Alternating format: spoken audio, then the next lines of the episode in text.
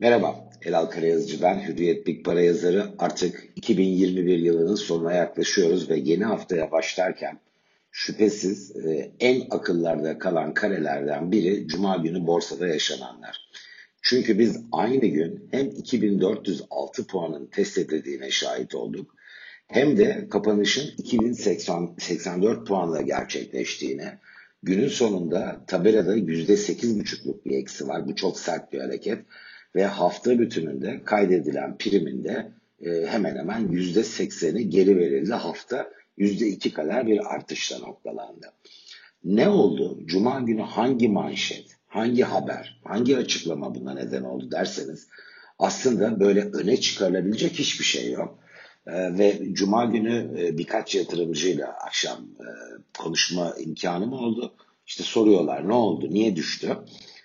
Size şimdi ifade ettiğim cümlenin e, bir rahatlama yarattığını, aa tamam bir manşet yoksa iyi o zaman gibi bir refleksi beraberinde getirdiğini gördüm. Oysa e, benim 30 yıllık deneyimim bunun tam aksini anlatıyor. Herhangi bir manşet, e, net bir faktör değişikliği yokken kendi dinamikleriyle bu kadar sert bir değer kaybı geliyorsa ve bu haftalarca süren bir yükselişin üzerine gerçekleşiyorsa aslında piyasada oluşan fiyatların e, kabul görmediği ve bir trend değişiminin başlangıcının olabileceğini düşündürür bana. Şimdi e, bir bakalım hatırlayalım ne oldu ne bitti. Ekim başında 6 Ekim'de e, 1371 en düşük seviye olmuştu borsada ve arkadan bir rally gerçekleşti. Kabaca 2,5 ay kadar devam etti bu.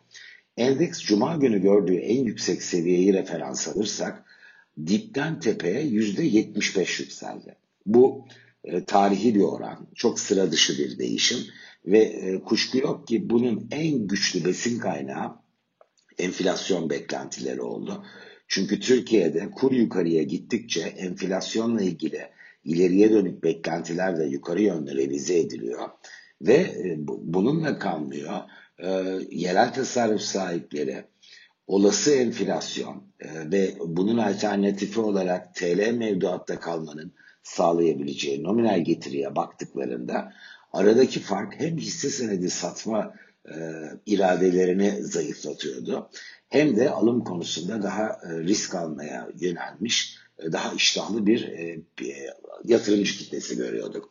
Bir kere cuma günkü hareket bu psikolojide önemli bir değişimi beraberinde getirebilir. Elbette bu hafta yaşayarak göreceğiz. İlk işlemleri ben de çok merak ediyorum. Biz bu kaydı alırken e, saat daha 8 ve henüz e, tabii piyasa açılmadı. E, Türk Telekom'la ilgili varlık fonunun işte %55'lik çoğunluk hissesini almak üzere görüşmelere başladığı yönünde bir haber var. Bu belli şirketlere destek olabilecek, dikkate alınabilecek bir haber.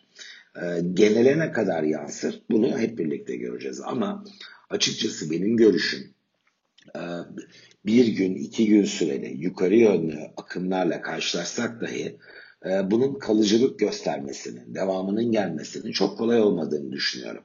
En azından var olan bilgi setiyle ve hafta bütününde biz bir hafta sonra bu yorumu yeniden oluştururken değer kazanmış bir Borsa İstanbul'la karşılaşma ihtimalimizin e, daha az olduğu görüşündeyim. E, özetle artı dahi başlasa devamında yeniden satış oyunlarının baskınlığının söz konusu olabileceği görüşündeyim. Belki şu soru gelecektir. Ya işte dolar bazında ama Borsa İstanbul kur yukarı gittikçe ucuzluyor. Israrla bu değerlendirmelere şöyle bir karşı tezle çıkıyorum. Evet kur şu anki kurla işte 16.86 görüyorum ben. Kabaca o Ekim başındaki 8.90 seviyesinden %90 yukarıya gitti. E, ve elbette bu dolar bazında Borsa İstanbul'un değerini de aşağıya çekmiş oluyor. Fakat şirket öz sermayelerimiz bu iki buçuk ayda en fazla %10 artmıştır ortalama. E, doğal olarak dolar bazı bakan, dolar bazı değerleme yapan yabancı yatırımcıların bu faktörü göz ardı etmesi sadece düz grafiklere bakıp Aa, Türk borsası dolar bazında daha ucuz demesini düşünmek bana fazla iyimser geliyor. O yüzden e, enflasyondan arındırarak bakmak e, daha anlamlı ve piyasa değeri defter değeri oranı rasyoları itibariyle durum nedir diye bakmak daha anlamlı. Böyle bakınca da borsanın geçen hafta e, kaydettiği kapanış aslında piyasa değeri, defter değeri oranlarını şirketlerin %35 e, %40 arasında yükseltmiş oldu. Tersten okursak iskontoyu azalttı. Döviz tarafı e, pek satıcı yok. Yereller burada da çok etkili. Ve elbette haber akışı yine son derece etkili. Hareketli bir haftaya gireceğiz. Bu tarafa senaryo üretmek, limitler çizmek e, inanın çok daha zor. Yurt dışıyla noktalıyım. Negatif başladı. Net negatif yurt dışı. E, burada işte Hollanda'nın aldığı kapanma, hızlanan salgın.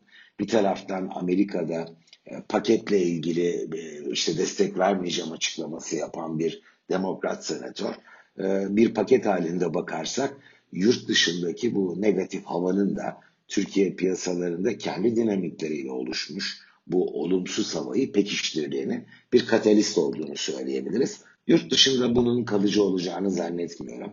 Hafta içinde ibre negatiften tekrar pozitife dönebilir ama yurt içinde tahmin üretmenin, karar almanın e, ve yatırım yapmanın e, çok kolay olmayacağı bir dönemin içinde bir süre daha kalacağımız görüşündeyim.